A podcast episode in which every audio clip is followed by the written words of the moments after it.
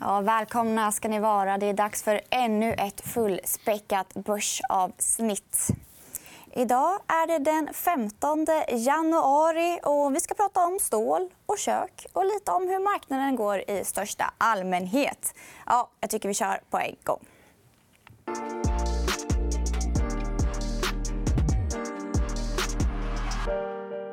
Ja, kalla fötter på marknaden igår efter nya uppgifter från Vita huset rörande handelsavtalet. Det verkar som att Donald Trump inte vill rulla tillbaka några tullar, tullar riktigt än. Det här skapade osäkerhet. och Därför är det extra skönt att ha två trygga klippblock med i studion i form av Micke Levin och Martin Nilsson. Varmt välkomna.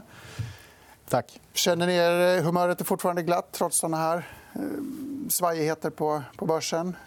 Eh, ja, men humöret är nog ganska bra. faktiskt. Får, får nog säga. Vi kan väl nämna också att Martin har haft vänligheten att ta med sig sin dotter som har målat de här fina korten. Det är vi extra glada för. Tack så mycket, Agnes. Så om, man har, hade dåligt humör på grund av handelsoron så har man ju betydligt bättre humör nu. Ja, på grund av det. Men jag tänker att börsen har ju, eh, den står emot mycket. Den är glad. Det är eh, nedskjutningar och plan, det är handelsoro. Den verkar inte vika sig för nåt. Nej. Eh, och mm, återigen, jag tror att just de här stora rubrikerna... De, de, det blir massa brus. Men återigen, till syvende och sist så är det ju fundamentala faktorer som gäller som till exempel vinstutveckling, hur går ekonomin och så vidare. Och, ja, som sagt, den reala påverkan från det här bruset, bland annat geopolitiken eller handelsoron eh, den har ju visat sig även också historiskt kanske vara lite mindre än vad rubrikerna implicerar. Förutom just nu. Då. Jag var på ett Modis seminarium nu på morgonen och snodde med mig den här grafen som visar att handelsoron fortfarande är hög. Kanske ingen rocket science. Idag skriver USA under samtidigt ett avtal med Kina som är smått historiskt första fasen. Mm. Hur ska man se på handelsoron generellt som makrodriver? Jag tror den är här för att stanna om vi tänker oss rubrikmässigt. jag menar, det här är, vi har pratat om det tidigare. Det är en strategisk konflikt mellan USA och mm. Kina. Och den försvinner inte med ett fas 1-avtal eller ens ett fas 2-avtal. Utan den, den kommer att leva efter valet 2020 oavsett om Trump blir president eller inte. Så att de friktionerna kommer alltid att finnas där. Men marknaden har ju under den här tiden, ja, sen två år tillbaka på något sätt lärt sig att leva med det. Det är inte så att världen har slutat snurra. Du är enig med det resonemanget? Har, har dina bolag också lärt sig att leva med det? Man reagerar inte så mycket på såna här utspel längre. Kanske? Man blir lite immun mot det. Men, samtidigt så är det så att jag tror både Kina och USA är glada att skriva under det här fas 1-avtalen. Nu kan Trump fokusera på valet. och Kina kan på något sätt också fokusera på att stabilisera ekonomin. Och nu har man sagt att fas 2 kommer komma efter efter valet. Och då tullarna kommer att ligga kvar under den perioden. Så jag är inte jätteförvånad. Jag tycker marknadsreaktion är inte heller... Jag tycker inte det är någon större rörelse på det som har skett i natt. Eh, måste jag säga. Utan räntan kommer ner lite. Eh, och så börjar man titta på fundamenta igen. Men nu vet vi vad som ligger, förutsatt att det är det som är dealen. Eh, men, men annars så, nej, jag är inte jätte, jätteförvånad. Jag håller helt med om... Jag menar, den här relationen är ju förstörd så länge det här finns. Och jag tror att när vi, när vi utvärderar det här om 10-15 år... Jag menar, det, det, är inte helt fel det USA gör, att ställa högre krav på Kina när det gäller liksom att, eh, immateriella rättigheter etc. Mm. Så att, eh, eh, det, det, här kan, det här kommer fortsätta. Det är helt övertygad. Det är en, en, en kraftsamling på båda sidor. Om det går, eh, om det går bra, så att säga, om, om utvecklingen är fortsatt positiv, man når samsyn, då kan emerging markets, tillväxtmarknaden, bli en vinnare. Den här grafen tog jag från ditt chartpack, Micke. Mm. Ja, det är, det är klart att de Mm, även Europa och Sverige också har påverkats av det här. Det är ju, det är ju inget snack om den saken. Men tillväxtmarknaderna är ju lite mer vad ska man säga, i, tidigare i kedjan. Så att säga. Ökad global handel innebär ju oftast att tillväxtmarknadsländer går ganska bra. Och skulle det lugna ner sig lite grann så klart det finns bra utsikter där. Det är ganska många som är positiva på tillväxtmarknader mm. inför 2020. Men den stora saken där är ju såklart Kina och den ekonomiska utvecklingen i Kina. För Kina är ju navet. Och går det bra för Kina då är det oftast att tillväxtländerna rycks med. Och, eh, oklart, för Kina har ju haft lite problem här de senaste åren tillväxtmässigt. Och man har inte gått på lika hårt som tidigare med stimulanser. Och frågan är nu vad Kina gör framöver. Om det kommer igång lite igen eller om det fortsätter ner. Så, där. så det, det, är liksom, det är plus och minus på tillväxtmarknadssidan. Men det har ju också blivit prissatt i tillväxtländerna att både värdering och framförallt vinsttillväxten är ganska lockande inför 2020. Där. Så att det är lite pros and cons där. Men eh, funkar det bra på handelssidan och Kina går lite bra då är tillväxtmarknader ett ställe att vara i.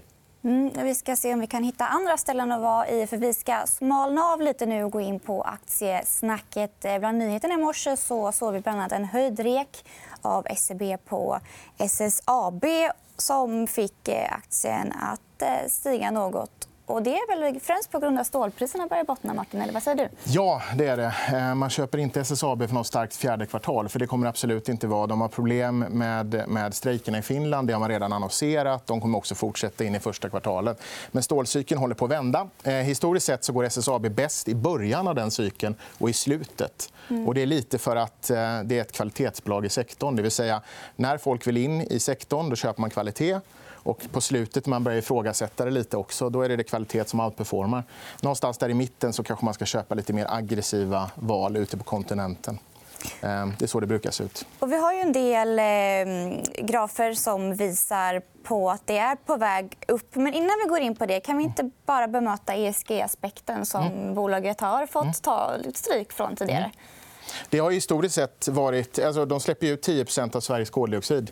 Mm. Så att det enklaste för en förvaltare att reducera sitt koldioxidavtryck i sin fond har varit att sälja av SSAB. Mm. Ehm, och det tror jag påverkat, eh, fond, eller påverkat eh, aktien under en längre period. Men tittar man nu på SSAB så kan det mycket väl vara kanske ett av de bästa hållbarhetscasen vi har.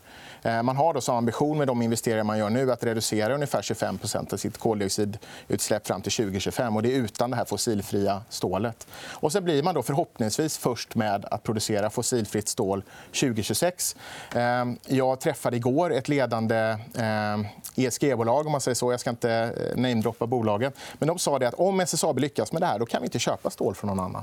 Mm. För Det är det som kommer gå in i våra produkter. Det är det det här bolagets kunder kommer förvänta sig. Så att, eh, ja, jag hoppas verkligen för, för världen mm. att, eh, att det blir så. Sen är det så att SSAB släpper ju redan ut betydligt mindre koldioxid per ton än vad konkurrenter gör. Så att, skulle det då vara jättenegativt till att säga att vi stänger ner det Ja, det kanske är bra för Sveriges koldioxidavtryck men det är fruktansvärt dåligt för, för världen. Och vi behöver stål i, i nästan allting. Mm. Så att, eh, det, vi, vi är positiva till det långsiktiga hållbarhetscaset. I... Och med det i ryggen så ska vi titta på några grafer som kanske kan lägga en, en andra trygghet i caset. Vi kan mm. börja med att titta på marginalerna. Det ser inte så bra ut. Nej. Nej, men det är precis det som är eh, det vackra i hela... Det här är bruttomarginalen för, för eh, stålproducenter. Och tittar vi då historiskt sett så bottnar det alltid på 200 dollar per ton. Och det är precis där vi är just nu. Alltså, hela sektorn tittar vi på, inte ja, nej, precis. Eh, och det här är då för, för eh, norra Europa, mm. den, det området vi själva är i. Och tittar man historiskt sett så har det legat då, eh, på lite, strax över 300. Så det är en mm. ganska betydande eh, uppsida. Och stål, är så. stål köper när det går dåligt och säljer när det går bra. Det, gör liksom inte, det är därför det är en cyklisk industri. Eh, och, eh, ja, det här det brukar bottna. helt enkelt. Det har fler bottnar också. Ja. Stålpriserna, nämligen. Ja. Mm som också har bottnat. Vi kan väl börja med att titta på södra Europa. Södra Europa är den här lite mörkgröna. kan man väl säga. Eh, och norra Europa är det lila. Och södra Europa är en ledande indikator för egentligen hela Europa. Det är där det brukar gå ner först och det är där det brukar eh, gå upp först. Och nu har vi sett en ganska rejäl uppgång till 450 Ehm, euro per ton. Och igår var Arcelor ute och sa att eh, från och med nu så gäller 500. Och det här är då spotpriser. Kontraktspriserna är då det Arcelor hänvisar till. Och det, ni ser själva vad 500 är. Det är en ganska betydande uppgång förutsatt att man får igenom det. Och om man kollar i USA? då?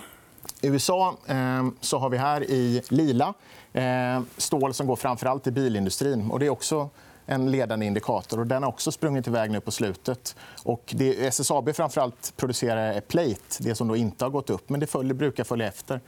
Eh, så det, det, följer sitt vanliga mönster. Helt enkelt. För jag frågade mycket innan om man kollar på stål. Och det, det jag fick med mig av det lilla samtalet var att det är viktigt att skilja på stål och stål.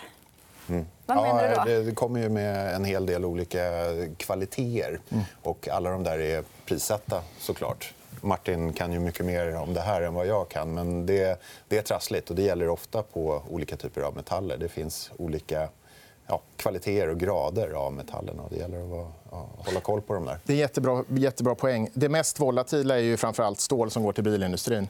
Eh, och bilindustrin har haft det tufft. Det har också stålsektorn haft det tufft. SSAB har en mycket mindre volatilitet i sin, sin stål. Man säljer framförallt kvalitetsstål. Och eh, man har ambitionen om några år att ha 50% av leveranserna ska vara det. Mm. Och då har du en annan minskad volatilitet i, i, i de priserna och en bättre marginal över tid. Och på det ganska tilltalande värderingar. Sista stålgrafen ser ut så här. Visar att vi är på historiskt låga nivåer. Väldigt intressant eh, case, tycker jag. Mm. Fantastiskt bolagsnamn också. Svenskt Stål AB. Inga konstigheter. Men innan vi släpper det bara. USD gick ut och vinstvarnade i december. Du mm. sa att eh, Q4 kommer bli dåligt. Mm. Så ser man nu en dålig rapport så ska man inte bli avskräckt. Nej, jag tror att man ser igenom det. Om man tittar på tredje kvartalet var också ett väldigt eh, svagt kvartal. Väldigt svagt kvartal. Och aktien var ner 5% på morgonen. och sen när vi slutade dagen så tror jag att den var upp 2 så det var 7 i intradag. Så jag tror eh, marknaden förhoppningsvis läser igenom eh, det, det något svaga, svaga mm. kvartalet. I så fall. Nu, Gabriel, över till dina ja, Från stål ska vi ut till stratosfären. Vi har en fantastisk graf som Micke twittrade häromdagen. Det är en stjärnhimmel av olika års avkastning på eh, världsindex. Va? Mm. Och där ser vi 2019 i rött. Höger vänster stapeln är ju multipelexpansionen och upp och ner eh, parametrarna är vinsttillväxten. Och förra året var ju multipelexpansionens år, inte vinsttillväxtens år. kan man väl säga. Nej, 2019 det, ju, det syns ju på, på det här eh, ja, hagelsvärmen att den ligger ju väldigt, väldigt långt ut där. Det är en outlier. och eh, Det är, det är signifikant för, för det året. Det var full, fullt ställ på P-expansionen eller uppvärderingen. På grund av låga räntor förstås? Va? Ja, det spelade väl in. Och eh, det faktum att bolagen inte levererade i princip någon vinsttillväxt. Det här är globala aktier. Eh, och eh, ska man dra någon sorts slutsats av den här det är väl att man kanske inte ska förvänta sig liknande 2020. Utan de år där det har varit ganska kraftig alltså P-expansion eller mm. uppvärdering så har väl de tenderat att följas av lite svagare år även när vinsttillväxten faktiskt har kommit tillbaka. Eh, och vi hör ju varje år att eh, ja, det hänger på vinsterna. Det hänger alltid på vinsterna. Men jag tror det blir extra viktigt här 2020. Och förväntningarna på de globala vinsterna är ganska aggressiva. Jag tror inte inte riktigt de kommer att hålla så som prognoserna eller estimaten ligger idag. Vill du flika in nåt? Det Nej, men det är så, analytiker generellt sett justerar ner sina vinstestimat innevarande år men lämnar ofta nästa år oförändrat. Vilket mm. gör att när du är i en nercykel så blir ju liksom estimaten för höga för nästvarande år. Och där, är vi just nu. Och därför tror jag, liksom att, jag håller helt med dig. Jag tror att det här förhoppningsvis kan bli ett helt okej år. Mm. Förra året var ju fantastiskt på, på många sätt. Men jag tror att man kommer vara mycket mer... Jag tror att den här, marginal, eller den här multipelexpansionen som vi har sett i många bolag den ligger på något sätt eh, bakom oss. Jag har väldigt svårt att tänka mig att vi kommer se nåt som är i likhet med vad vi såg förra året. Kanske lite mer 2018? Då? Ja, min, min förhoppning är att, att eh, räntorna kommer upp lite. Jag ser, inget, liksom, ser egentligen ingen anledning varför de ska göra det. Därför att det är något stort inflationstryck. Men jag tror bara att de behöver normaliseras. Att världen kanske inte ser så illa ut som man, som man tror. Och då, då tror jag att det kommer andra sektorer som kommer driva på utvecklingen. Mm. Vi ska få in en annan sektor innan vi sätter punkt. Och det är kökssektorn, eller mm. snarare en aktie i form av Nobia. Ett bolagscase du gillar. Mm. De har fått eh, en nyhet ute idag. Man har fått en ny ordförande och eh, delvis ny styrelse. Är det viktigt att hålla koll på? Eller är det här ett andra parametrar som Nej, det, är, det, är självklart, eh, det är självklart viktigt vilka som, ja, vilka som leder bolaget. Men, eh, jag det kanske inte är drivande. Är det brexitbotten som är drivande? Här, Nej, men brexitbotten har onekligen varit det för aktien. Eh, men så tittar man på, på aktien så är den ju extremt attraktivt värderad. tycker jag. Eh, du handlar den på ev-ebit 11-12 gånger. Du har en direktavkastning som är extremt stark. Du har väldigt starka varumärken, stark balansräkning som gör att du kan konsolidera marknaden ute i Europa. Eh, man har legat under marginalmålet, som är då 10 eh, och Det är på grund av pundet och pundrörelsen vi har sett under de senaste åren. Skulle justera för det så skulle man ligga över 10 och Då tror jag att det snarare finns möjligheter lite längre fram att man höjer marginalmålet. Mm. Eh, vad det nu kan bli det vågar jag inte spekulera i. Men jag tycker det här är, med tanke på det vi pratar om liksom med vinstutveckling och och fint värderingsstöd och utdelningsstöd så tycker jag det här är en, en klockren aktie. Vi kan väl titta lite snabbt på hur värderingen ser ut också, för du har två grafer på det. Mm. Direktavkastning till vänster i nästa graf och värdering till höger. Väl. Ja, I grönt här till vänster då, så ser ni Nobias direktavkastning. Och nu har aktien kommit upp, eh, gått bra nu på slutet. och Då har direktavkastningen självklart kommit ner lite. Men det är fortfarande en yield på, på 6% medan då peergruppen eh, handlar på, på 4 vilket också är gott i den här miljön. Mm. Och likadant där nere. Värderingen har kommit upp, men det är fortfarande 10 gånger ebit nästa 12 månader. Eh, och att värderingen har kommit upp är också på grund av att aktien har gått starkt. Så eh, jag tycker fortsatt den är, det är ett, ett riktigt bra case för, för, för året. Vi avslutar med ett par eh, återstående makrospaningar inför året. Vi var lite inne på, på det redan. Du har en annan graf, Micke, som listar lite grann hur det kan se ut 2020. Vi har tre ja. scenarier. Melt-up, expansion och recession. Jag antar att expansion är huvudspåret. Eller vad säger Precis. strategerna? Eh, det, det, är vårt huvudscenario. Vi var inne på det lite här med, med du, Martin, som tyckte att ja, men det kan bli ett hyggligt år. Mm. Och, visst, en hel del har blivit inprisat. 2019. Eh, så det, det, vill ju till att den ekonomiska utvecklingen tar lite fart mm. här framöver och att bolagen då kanske levererar lite vinster. Globala aktier har en förväntad vinsttillväxt på strax under 10% i nuläget. Det kommer inte att hända. Men skulle det bli 3, 4, 5 vinsttillväxt i år så skulle jag bli väldigt nöjd. Och då skulle nog det här expansionsscenariot vara liksom det mest troliga. Det finns ju ändå en oro att expansion ska gå till någon slags explosion. Eh, den ja. sista grafen eh, handlar lite grann om det. Det finns en känsla av att vi är högt värderade eller fullprisade. Mm. Eh, det här är Fear and Greed Index, något vi tittar på ofta. Mm. Jag tänkte, Martin, har du, är du orolig på något sätt? Att vi kommer, eh, känns det som att 2020 kommer ha en liten korrektion innan glädjen fortsätter? Bara för att det har gått så bra? Eh, nej, jag, jag, orolig är man ju. Liksom, det ska man alltid vara. Eller man ska vara ödmjuk inför situationen. Onekligen, för vad som helst kan hända. menar, vi började första handelsdagen på det här året med att sticka rakt upp.